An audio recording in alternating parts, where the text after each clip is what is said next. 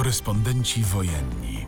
Ten podcast tworzymy z okazji 18. edycji Nagrody Radia Z imienia Andrzeja Wojciechowskiego. Nazywam się Miłosz Gocłowski, jestem dziennikarzem Radia Z w podcaście. Rozmawiam z reporterami o tym, czym jest ich praca w krajach ogarniętych wojną. Serii rozmów Radia Z o konfliktach zbrojnych i o pracy dziennikarzy opisujących to, co na tych wojnach się dzieje. Ze mną Mateusz Lechowski, korespondent Polsatu i Newsweeka wprost z Ukrainy. Zacząć chciałem że w studiu jesteśmy, no ale tak się akurat składa, że obaj jesteśmy w Ukrainie, ale rozmawiamy zdalnie, bo ja dziś w Dnieprze, a ty? Ja dopiero wjechałem, więc e, jestem w Lwowie. Dzisiaj nocuję w Lwowie i jadę dalej w twoją stronę. Pewnie jutro się miniemy, ale w tej chwili dzień dobry Państwu tutaj z zachodniej Ukrainy. No właśnie powiedz mi, bo wracasz z domu. Byłeś z tego co wiem kilka dni w domu i czy ciężko jest wrócić po takim no krótkim, ale jednak urlopie? Jest. Z jednej strony jest ciężko, z drugiej strony wczoraj się widziałem z Jamesem Vasquezem w Warszawie. To jest e, saper Amerykanin, e, były żołnierz amerykański, weteran wojny w Iraku, który od początku e, właściwie konfliktu w Ukrainie jest tutaj w Ukrainie także. Był teraz też jakiś czas w domu u siebie w Stanach Zjednoczonych. No i wczoraj w trakcie rozmowy właśnie w Warszawie, jeszcze przed moim wyjazdem, rozmawialiśmy o tym, że, że jakoś jest tam w jakiś, no w jakiś dziwny sposób ta Ukraina nam bliska, jemu jako żołnierzowi, mi jako korespondentowi, ale że ja się mimo wszystko tutaj czuję trochę jak w domu, ale trudno jest zawsze wrócić na tej zasadzie, że jednak no, ja od lutego żyję w takim trybie, że większość e, miesiąca spędzam tutaj, no i powiedzmy tydzień spędzam w Polsce. Przy czym to jest ostatnie cztery miesiące. Wcześniej, przecież pierwsze dwa miesiące tego konfliktu już na pełną skalę rosyjsko-ukraińskiego spędziłem tutaj po prostu. W kwietniu pierwszy raz pojechałem e, do domu. I, no i jest to. Na początku miałem tak, że nie mogłem wytrzymać w Polsce, że czułem, że powinienem wrócić, że powinienem dalej pracować, że powinienem relacjonować, że jako wolontariusz, bo na początku byłem też wolontariuszem, rozwozić jedzenie, e, czy tam do tych miejscowości pod Kijowem, pomagać z pomocą humanitarną. Teraz robię to rzadziej, ale też czasami to robię. Zawsze mam w samochodzie, e, kolokwialnie mówiąc, żarcie i karmę dla psów jakoś, ale bo też zwierzęta się dokarmią, jak się jeździ w różne miejsca. Ale jednak teraz mam drugą stronę, że ciężko mi wracać, no bo, no bo są przyjaciele, bo jest rodzina, bo jest dziewczyna, więc bo po prostu czasami chcesz pójść do kina najzwyczajniej w świecie, zjeść kolację, wyłączyć całkowicie telefon, mówiąc szczerze, przez ostatnie pięć dni do dzisiaj. Dzisiaj już jestem na łączach, ale też tam różnie, bo, bo tu w Ukrainie musiałem pojechać odwiedzić swojego przyjaciela, który właśnie został zmobilizowany, właśnie, mm, właśnie zaczął szkolenie wojskowe e, i okazuje się, że o ile te rzeczy do walki to ma i to dostaje od armii, to takie rzeczy jak odpowiednie powiedzmy rzeczy do spania, śpiwór, okazało się, że jego śpiwór jest za, za słaby, bo, jest, bo już jest tak zimno, że ciężko mm, po prostu wytrzymać w takim e, zwykłym śpiworze, że trzeba zorganizować jakiś lepszy śpiwór, taki naprawdę zimowy, na bardzo trudne warunki, e, jakąś specjalną karimatę, bo zwykła karimata też nie daje rady w miejscach, gdzie oni się śpią, gdzie się szkolą i tak dalej. Więc tu będąc e, na zachodniej Ukrainie, po prostu dzisiaj mu to organizowałem, pomagałem, woziłem. Ale już do meritum. Meritum jest takie, że, że jednak mimo wszystko trudno jest z Polski wyjechać, jak się, no jak się żyje cały czas gdzieś indziej. Ja tak przynajmniej mam.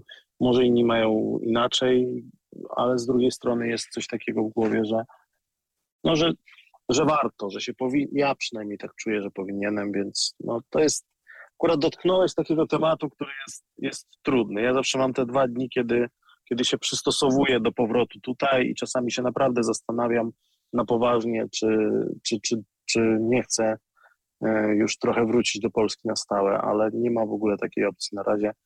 E, jakąś decyzję podjąłem, że, że jestem tutaj do końca tej wojny i tak bym chciał tutaj zostać. Chciałbym, żeby ta wojna się po prostu skończyła i żebym mógł o tym powiedzieć, niezależnie od tego, czy w telewizji, czy w radiu, czy napisać. Chciałbym, chciałbym to poczuć, tą, tą emocję, że to koniec, że ci wszyscy moi znajomi, którzy zginęli w ciągu ostatnich miesięcy, e, czy z wojska, czy cywile, e, że to miało sens, że ta wojna się skończyła, że, że Ukraina jest wolna.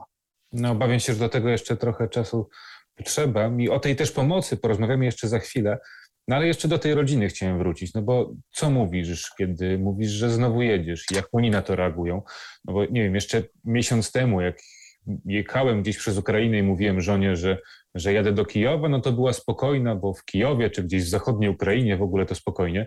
No i potem wszystko się zmieniło. Rosjanie ostrzeliwują znowu cały kraj. Tak naprawdę po kilku miesiącach spokoju tego w stolicy względnego, czy, czy tego większego na zachodzie, teraz nie ma bezpiecznych miejsc w Ukrainie. No i jak oni na to? Jak na to, że co to robisz Mateusz, dlaczego znowu tam jedziesz? Wiesz co, do tych wyjazdów moich oni się raczej już, wydaje mi się, że mimo wszystko przyzwyczaili. No oczywiście jest zawsze, ja zawsze też przejeżdżam przez rodzinny dom, ale też wcześniej, jak rozmawiałem z dziewczyną, dziewczyna ma dość ostry taki pogląd, takie podejście, że bądź tam, gdzie jest względnie bezpiecznie, denerwuje się, jak się dowiaduje, że jestem w Bachmucie, tak jak ostatnio byłem, albo przez parę dni, albo e, że ogólnie jak jestem w Donbasie, to jeżdżę, nie siedzę na przykład w Kramatorsku, tylko jeżdżę do Siwierska, do Bachmutu, dalej, nie, bliżej frontu. Albo jestem żołnierzami, to też nie jest zachwycona wtedy. Mama zresztą też to jest niestety taki problem, że, że trudno, no trudno też to ukryć, nie? No bo ja też nie ukrywam, że były takie momenty, że, no, że nie mówiłem. Ja zazwyczaj mówię, nie będzie ze mną kontaktu, nie martw się, tutaj nie ma zasięgu. No, tylko to z no reguły no niestety jest... szybko wychodzi. I, tak, i, i zaraz jest, jedziesz do Bachmutu albo jedziesz gdzieś znowu. Ja mówię, no tak, ale, zazwyczaj, ale czasami doda się, aha, no tam gdzie wyzwolone, tak, to tam nie ma, no dobrze, to, to jedź, jedź, daj znać później. Dopiero później mówię, że rzeczywiście byłem w Bachmucie albo że byłem umówiony z Petrem, z kolegą tam z jakiejś brygady, że pojechałem tam z nim pogadać i tak dalej. Ale tak, no to niestety w telewizji to szybko wychodzi, w radiu, w mediach to ogólnie wychodzi szybko. E, no i, no i nie da się oszukiwać, no trzeba mówić prawdę, więc E, ogólnie oszukiwanie jest kiepskie, ale w takich sytuacjach ja się nauczyłem, że no po co ktoś ma się stresować. Wiesz, no to, to, to tak jak no, mówiłem wcześniej, no to są trudne tematy. No wiadomo, że oni nie są zachwyceni. E, ciągle są pytania, że może już byś wrócił, że może, że może już pora. To nie jest łatwe, tak mi się wydaje, ale wiesz, no nie da się tego porównać z tym, co się dzieje tutaj. W sensie ja jeżdżę, bo czuję, że powinienem, no i jeżdżę. No i mam wybór, ja to od początku mówię. Tutaj ludzie nie mają wyboru. Trochę jak zaczynałem tutaj, jak przyjechałem tutaj na wiosnę, to miałem takie naiwne spojrzenie, ale ono dalej trochę we mnie jest, trochę jest wstyd to mówić, ale jest we mnie taki, taka niezgoda na to, że ci ludzie nie mają wyboru w pewien sposób że dlaczego ja mam, więc ja też tutaj jestem. Taki, był taki moment, że taka była jakaś tam motywacja we mnie, jak wracałem po tych pierwszych dwóch miesiącach. Bo przecież na początku miałem plan, że przyjeżdżam tutaj i zostaję do Wielkanocy. A potem już wziąłem dziekankę na filmówce, już na oficjalnie podpisałem kontrakty, już zająłem się tym już tak, cały, wcześniej też się zajmowałem całym sobą, ale że już w głowie z tyłu miałem, że zostaję do końca, no i chciałbym zostać do końca. To jakoś mnie jeszcze trzyma na zasadzie takiej, że tak jak powiedziałeś, ja się nie spodziewam, że to się skończy w ciągu pół roku nawet. Ja mam taką cichą nadzieję, że się skończy latem przyszłego roku, ale liczy się to, jak się skończy. To znaczy, chodzi o to, żeby Ukraina była wolna. Nie mam ochoty mówić, że został podpisany zgniły pokój. Chciałbym powiedzieć na koniec, że Ukraina jest wolna. to się liczy, nie? Więc y, na końcu zawsze, no to jest trudne dla moich bliskich, no ale jakoś chyba mnie kochają, dlatego to jakoś znoszą. To ważne, co powiedziałeś, że właśnie Ukraina nie ma wyboru i ci ludzie się znaleźli w takim miejscu, w którym no tak naprawdę nie mogą nic zrobić. Dzisiaj szczególnie widziałem właśnie w tym Orychowie, gdzie, gdzie dziś byłem i, i to miasto tak naprawdę pośrodku niczego, w którym nie ma, nie wiem, żadnych fabryk, celów mhm. strategicznych, a jest ostrzeliwane tylko dlatego, że no, znajduje się blisko frontu po prostu i, tak. i dlatego ludzie strzelają. I jakie było to miejsce, które ty zobaczyłeś, które było takie najtrudniejsze? Co, no, to się niestety nie zmienia cały czas, jest Makarów, Bucza wiadomo, ale Makarów, ale, ale ostatnio, właśnie a propos tego Rychowa, o którym mówisz, ta Kiejówka zrobiła na mnie ciężkie wrażenie. Wbrew pozorom nie Bachmut, bo w Bachmucie mam takie poczucie, że ci ludzie, którzy tam zostają, mają właśnie wybór. To znaczy, że oni mogli wyjechać, ale z jakiegoś powodu zostają. Donbas też jest specyficznym miejscem, miejscem, gdzie wielu wiele osób po prostu nie chce zostawić swoich domów i to jest e, takie, to jest wybór. to rzeczywiście jest wybór, bo oni mogliby wyjechać, oni mieli możliwość, e, mieli propozycje e, też wyjazdów. Wiem o tym, była chęć ewakuacji ze strony władz ukraińskich, no ale jednak nie skorzystali. Ale na przykład w przypadku Awdijiwki miałem takie poczucie, że to jest po prostu biedne miasto, które w 2014 roku znalazło się w okolicach frontu. Część ludzi wyjechała, potem wróciła, bo no, liczyła na to, że ta wojna się jednak jakoś uspokoi, no i się uspokoiła na parę lat. Było ostrzały, choćby jeszcze w 2017 roku, czy jak ja jeszcze byłem na Ukrainie później, zdarzały się ostrzały, ale, ale tak już na, no, w takiej krytycznej sytuacji jest teraz, zwłaszcza, że na północ i na południe w tej chwili Rosjanie znów próbują jakoś odciąć to miasto, żeby je zająć. Ono jest bardzo blisko Doniecka i ono też jest pośrodku niczego. I tak naprawdę jedyną winą tych ludzi, którzy tam żyją, e, winą mówię w takim cudzysłowie, jest to, że oni po prostu no, nie chcą też zostawić swoich domów, że liczyli, że, że to się uspokoi. To znałem tam rodzinę, e, matkę z dwójką dzieci, z całym zwierzyńcem, bo tam jeszcze dwa psy, cztery koty jakoś tak kochających się, bo to widać od razu, z jakimś takim ciepłem w sobie, którzy nie chcą wyjechać, bo tam mają mieszkanie na parterze i mówią, że jak wyjadą, to im ograbią, ograbią to mieszkanie, że prędzej czy później wyjadą w zimie, ale na razie jeszcze pilnują tego mieszkania. No i tam cały czas słychać ten ostrzał. Miasto jest totalnie zniszczone. No nie da tam się żyć w takim, takim naszym współczesnym europejskim myśleniu, jak my żyjemy, z prądem, z wodą, z toaletą, z normalnymi warunkami, ze sklepami, to po prostu tam się nie da żyć. To jest jakaś, jakiś koszmar, ale ci ludzie tam żyją. No i to jest, ta Awdijiwka zrobiła na mnie straszne wrażenie, bo ja bardzo chciałem, żeby ci ludzie wyjechali stamtąd, ale jak z nimi rozmawiasz, to nie jesteś w stanie ich przekonać. Nawet jak im proponujesz, żeby jedzie, że cię zabierzesz że zawieziesz gdzieś do jakiegoś obozu, tam gdzie jest pomoc, gdzie jest pomoc humanitarna, no jak ci mówią nie, no to przecież nikogo nie zmusisz. Mhm. I to, to zrobiło na mnie ostatnio bardzo duże wrażenie, no ogólnie to Makarów. Makarów na mnie zrobił wrażenie, bo się nie spodziewałem, że, że jeszcze mogę widzieć takie rzeczy, czy w ogóle, że mogę zobaczyć takie rzeczy, że mogę zobaczyć ciało ludzkie jedzone przez zwierzę z daleka, ale jednak, że, że, mi, że mogę zobaczyć całą zaminowaną ulicę, że, że będę rozmawiał z żołnierzem, który płacze, rozmawiając ze mną i ja też płaczę i opowiada o wyciąganiu ciał cywilów z samochodów, gdzie Rosjanie rozstrzelali po prostu E, no, ludzi, którzy się ewakuowali po prostu mimo, mimo umowy, na którą się zgodzili, że przepuszczą konwoje, e, to no, po prostu strzelali do samochodów z cywilami, którzy chcieli uciec z tego miasta. To bardzo było, było, bardzo, było bardzo trudne miejsce. Ogólnie rzecz biorąc, te miejscowości wokół Kijowa były bardzo dla mnie trudne i Bucza i potem Makaru, Borodianka też nie była łatwa. Worzel też taka miejscowość tam jest, tam też miałem trudne rozmowy. Andrzejówka, to były wszystko ciężkie rzeczy. No ale najgorszy jeszcze dzień to był najgorszy dzień w Ukrainie.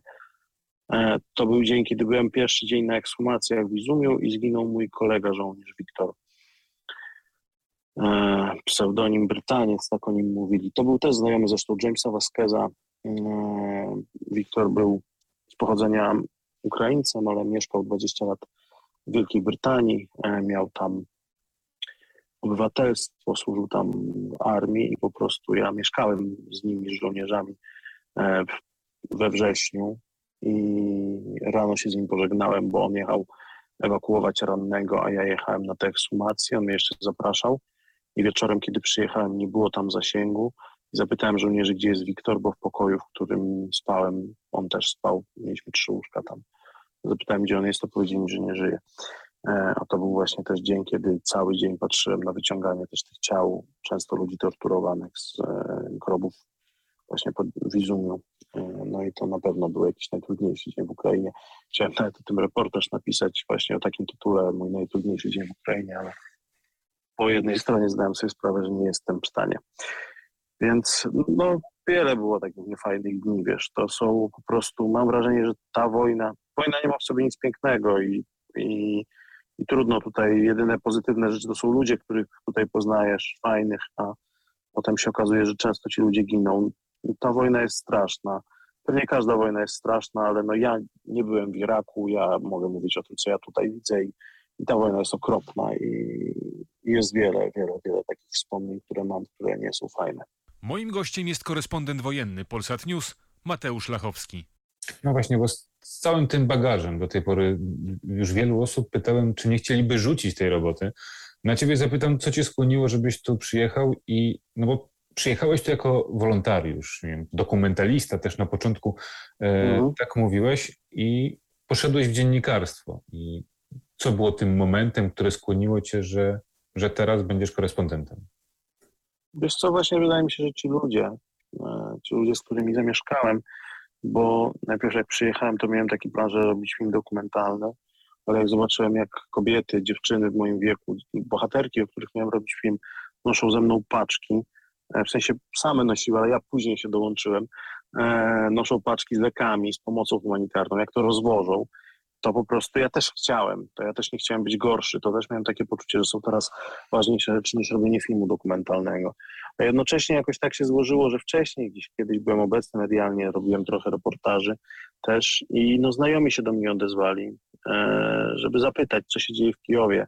No i tak się zaczęły te relacje i zaczęły do mnie też dochodzić takie sygnały, że, że one są fajne, że ludzie na to czekają, że ludzie tego chcą, że chcą wiedzieć, że się interesują, ale też, wiesz, miałem takie poczucie od początku, na pewno też to masz, jak jeździsz w miejscu, w którym jesteś, że masz takie poczucie, jak poznajesz tych ludzi tutaj, mierzących się z tymi problemami, które są nieporównywalnie większe niż te problemy, które my mamy na co dzień w Polsce. Przepraszam, że to powiem, nie bagatelizuję problemów z budżetem, nie bagatelizuję inflacji, też widzę, co się dzieje z Polską, jak do niej wjeżdżam, ale jednak no, to są, nie da się tego porównać z tym, że w twoim domu nie ma prądu, nie ma wody i w każdej chwili może spaść rakieta na głowę. Trudno to porównać. Że już nie wspomnę o okupacji, o zagrożeniu zajęciem przez Rosjan i o tym, czy masz uciekać, czy nie. Trudno to porównać i jak zobaczyłem, jak ci ludzie sobie tutaj na miejscu z tym radzą, a jeszcze też poznałem żołnierzy ukraińskich, to miałem takie poczucie, że o nich trzeba mówić, że ja chcę o tym mówić, że to jest coś wielkiego. Też mnie porwała ta idea w pewien sposób. Wcale nie wolnej Ukrainy, bo ja z Ukrainą miałem różne różne przeboje historycznie, rodzinnie, bardziej po prostu to, tą wiarę w wolność, e, poznawanie tych ludzi, patrzenie na nich, patrzenie na tych e, żołnierzy ukraińskich, którzy wracają z Polski na przykład, gdzie pracowali i wracają, żeby ryzykować życiem. To teraz zwłaszcza do mnie dociera, jakie to było duże, kiedy okazuje się, że ludzie, z którymi mieszkałem przez miesiąc czy półtora, miesiąca w większości już nie żyją. Ci, z którymi żyłem w jednym pokoju, w jednym dużym pomieszczeniu w piwnicach jednego z soborów w Kijowie.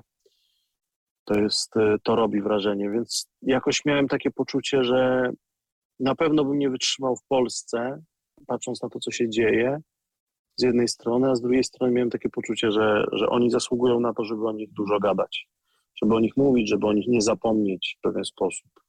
E, to jedno, a jest jeszcze druga kwestia, że ja tutaj byłem trzy lata temu, jak robiłem film dokumentalny, już prawie cztery lata.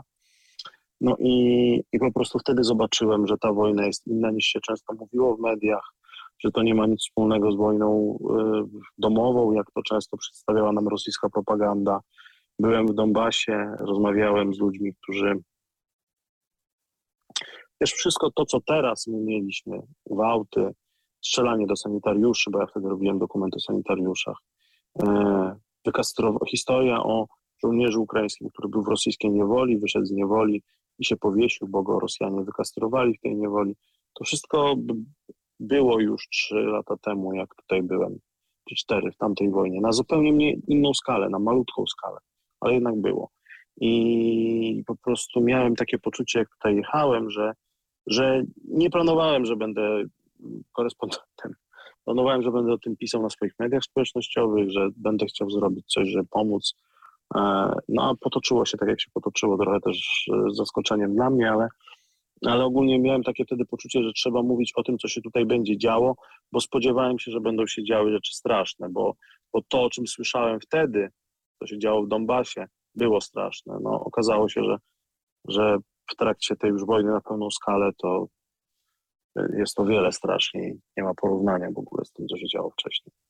Człowiek, dużo mówisz o pomocy i to takie właśnie to, że nie wiem, wozisz karmę ze sobą zawsze w samochodzie, e, czy jakąś, jakieś żarcie po prostu, które ludziom można zostawić. No i ostatnio wiele się o tym mówiło, że, że dziennikarze z Polski przekraczają granice e, i nie są, nie wiem, tak jak obiektywni rzekomo jak dziennikarze z Zachodu, którzy właśnie zawsze patrzą z boku. I o te granice chciałem zapytać, czy, czy to jest tak właśnie, że nie wiem, że jesteś korespondentem, to, to przestajesz pomagać po tym, jak przestałeś być wolontariuszem i zacząłeś być korespondentem, czy te granice się zacierają dosyć mocno tutaj w Ukrainie?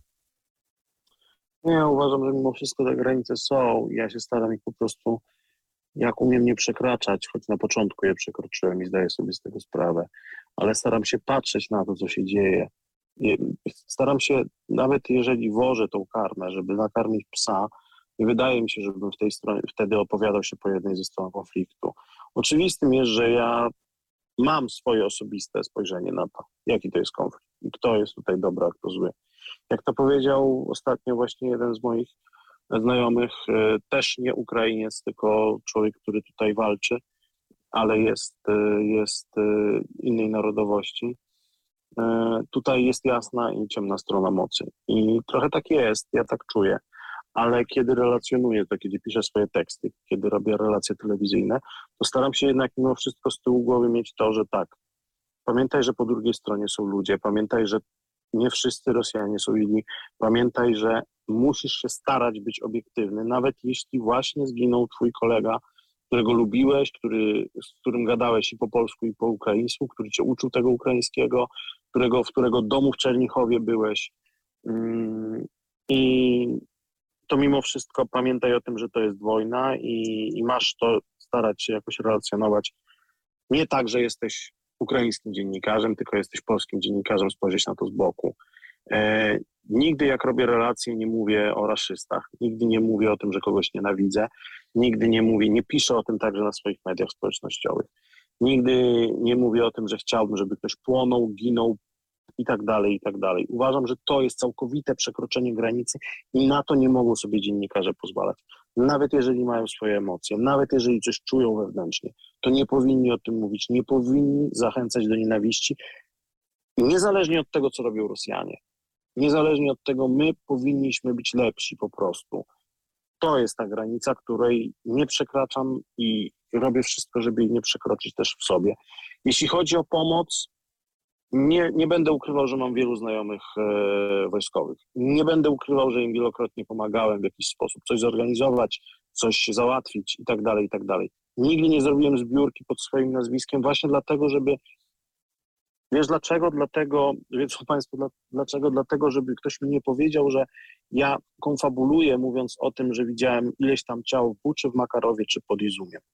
E, żeby nie można było mi wyciągnąć formalnie że ja robiłem takie zbiórki. Ja mogę te zbiórki udostępniać, mogę je popierać, ale chcę być jak żona Cezara w stosunku właśnie do Rosjan, żeby oni nie mogli mi powiedzieć, czy dziennikarze zachodni, z którymi też toczyłem boje, mówię tutaj o dziennikarzach francuskich, w momencie, kiedy była sytuacja, że telewizja francuska prawdopodobnie pokazała um, pozycję wojsk ukraińskich, zginął jeden z ukraińskich żołnierzy, to był mój znajomy.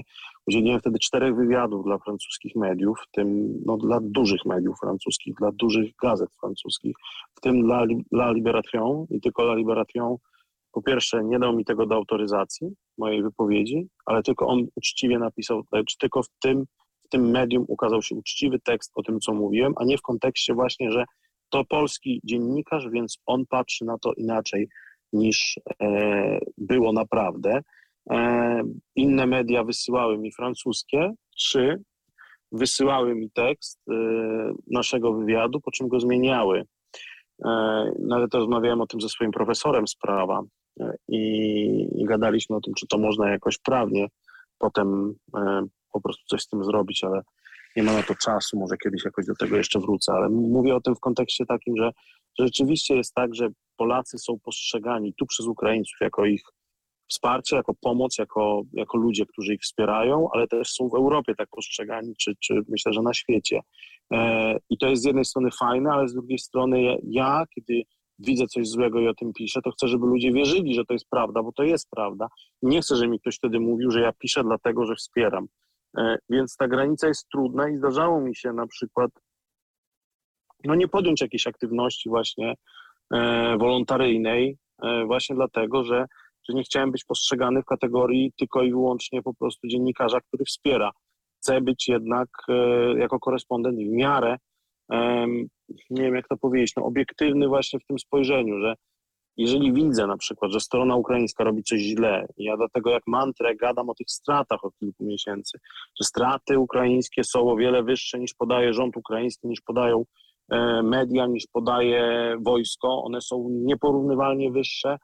No i to nie jest, myślę, że w zgodzie z interesem Ukrainy, no ale taka jest prawda. Ja jako dziennikarz mam mówić prawdę, więc Staram się odpowiedzieć na to pytanie, które zadałeś. Ono jest trudne. Myślę, że każdy powinien we własnym sumieniu rozważyć, czy robi dobrze, e, na ile powinien się angażować, na ile przede wszystkim powinien się angażować i pomagać i o tym mówić, bo czasami może warto, nie mówię, że ja to robię, ale właśnie zostawić jakieś jedzenie, zawieźć komuś jedzenie, pojechać z pomocą humanitarną, coś zorganizować, ale niekoniecznie tak to nagłaśniać. Może trzeba po prostu e, czasami nie aż tak o tym mówić, albo powiedzieć o wolontariuszach, którzy to robią, a samemu tylko udostępnić zbiórkę. Może tak jest lepiej, ale to jest moje zdanie osobiste. Ja tak się staram robić, a ktoś inny uważa inaczej. Ja nie chcę tego oceniać.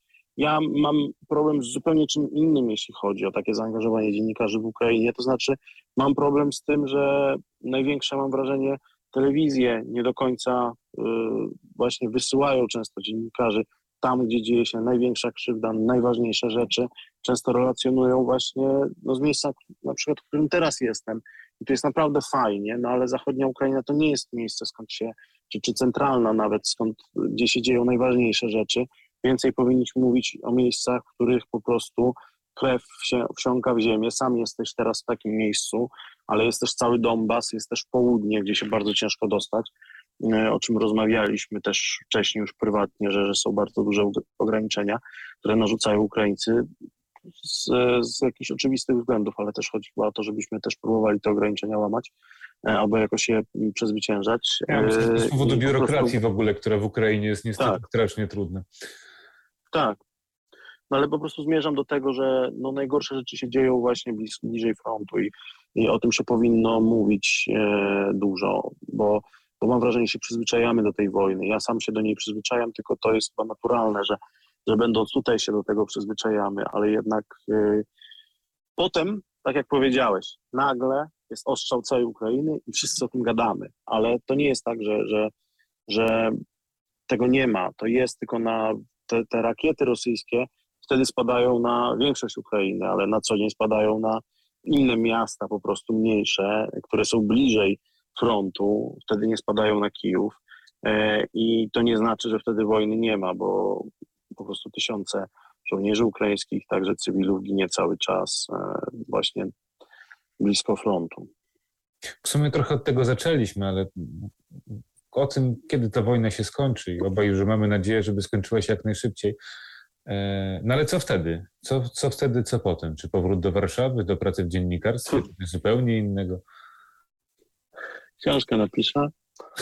E, jak wszyscy. Tak, jak wszyscy, bo przecież wszyscy piszą, to ja też napiszę. Mam trochę backgroundu tych wszystkich reportaży, które napisałem.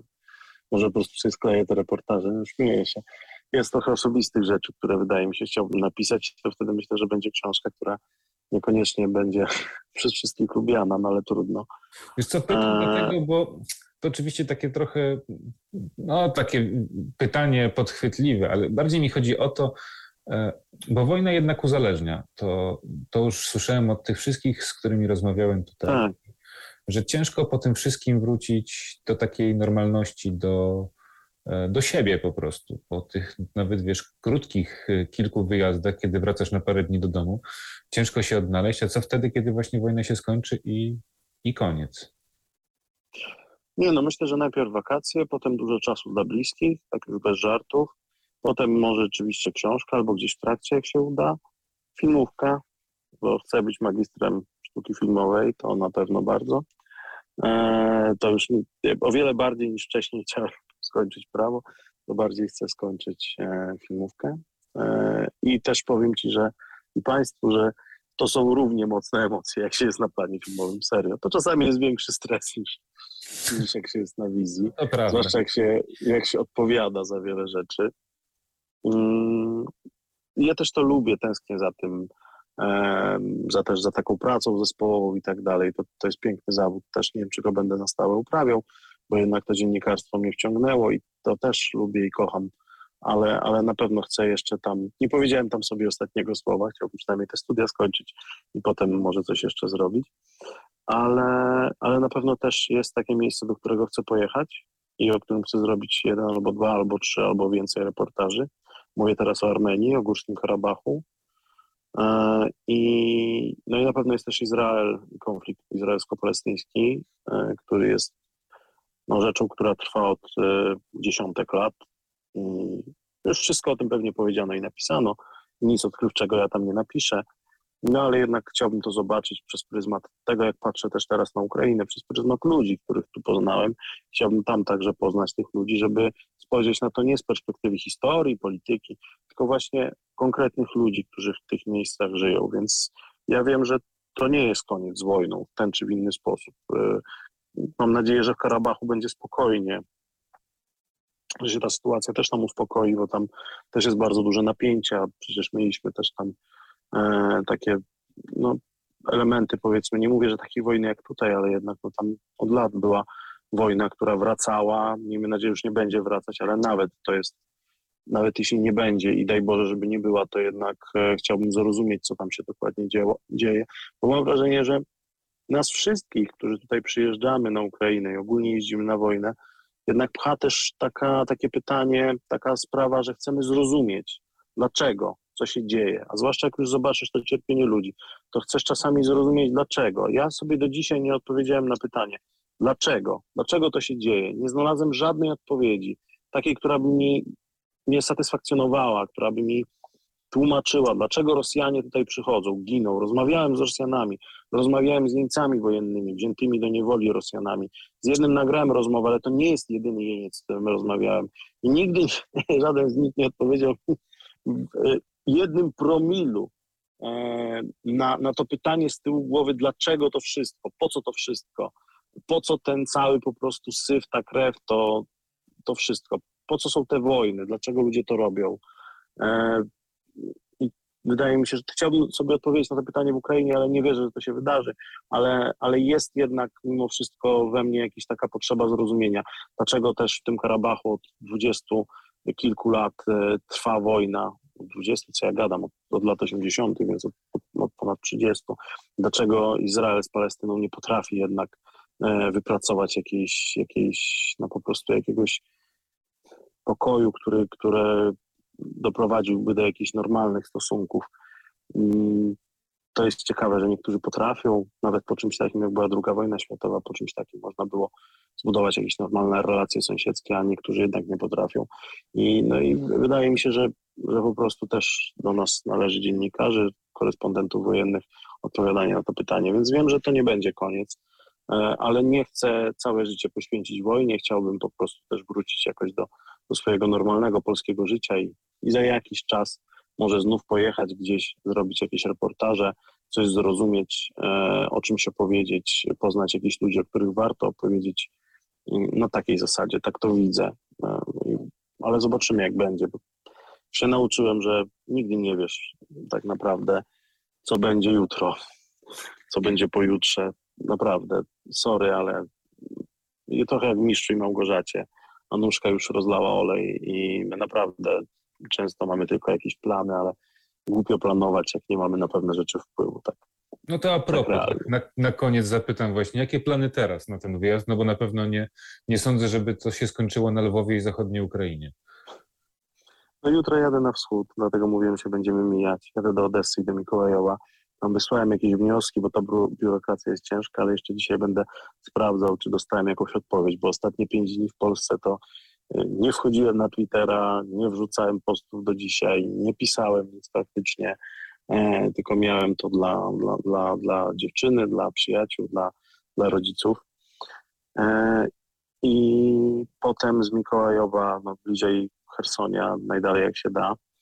Potem wracam do centrum Ukrainy, bo jedzie pomoc humanitarna z Polski z Łukaszem Wantuchem, to jest radny miasta Krakowa, ale nie tylko, bo tam często też dziennikarze z nim jeżdżą i inne osoby, inni politycy, którzy się angażują tak prywatnie po prostu. Nie jako politycy, tylko wiozą jako kierowcy rzeczy na wschód. E, ja, im, ja Łukaszowi pomagałem ostatnio wybierać miejsca, gdzie warto te rzeczy dowieść. Teraz wstępnie rozmawialiśmy znów o Kupiańsku i wioskach na wschód od Kupiańska, ale także może o Awdijiwce, o której mówiłem wcześniej. Mm, no a potem jedziemy z innym wolontariuszem, panem Eksenem, e, to jest pseudonim z Twittera, ale Mateuszem. Nie wiem, czy chciałby, żebym podał nazwisko, więc powiem tylko Mateuszem, który zajmuje, zajmuje się ostatnio dostarczaniem pick-upów ukraińskiej armii, no bo są tacy Polacy, którzy tutaj właśnie działają w inny sposób niż ja, czyli działają z bronią i są bohaterami. No i brakuje im samochodów i dlatego ja akcję Mateusza jakoś tam na swoich mediach społecznościowych udostępniłem, no i on kupił dwa samochody E, właśnie ze zbiórek, które zorganizował i wiezie te samochody, no i po prostu pojadę z nim, żeby to zrelacjonować. E, nie wiem, jak tam niego z kierowcami, jeszcze tego nie ustalaliśmy, ale na pewno z nim wtedy jadę na wschód. No a potem to pewnie znów pojadę do Bachmutu, e, bo jakoś, no bo wiem, co się tam dzieje, jest tam bardzo ciężko i, chciałbym, chciałbym to miejsce znów odwiedzić. Też nie ukrywam, że tam walczy mój kolega więc e, chcę znów odwiedzić tych żołnierzy, którzy tam walczą. Taki jest plan do końca miesiąca. No w międzyczasie 16 wrócę jeszcze do Polski, tak między jednym wyjazdem a drugim, e, żeby wpaść no, na tą galę Radia Z, ale to, to na jeden dzień, a tak to do końca listopada mam, mam takie plany, żeby jednak się chwila na południu, a potem to już wschód Ukrainy. Słuchaj, no zważywszy na to, że w tych wszystkich miejscach no, bliżej czy dalej byłem, więc mogę tylko życzyć powodzenia i trzymam kciuki, a na gali pewnie się zobaczymy. To ja Ci bardzo dziękuję, pozdrawiam Państwa serdecznie. Moim gościem był Mateusz Lachowski, Polsat News. Korespondenci wojenni. Ten podcast tworzymy z okazji 18. edycji Nagrody Radia Z imienia Andrzeja Wojciechowskiego.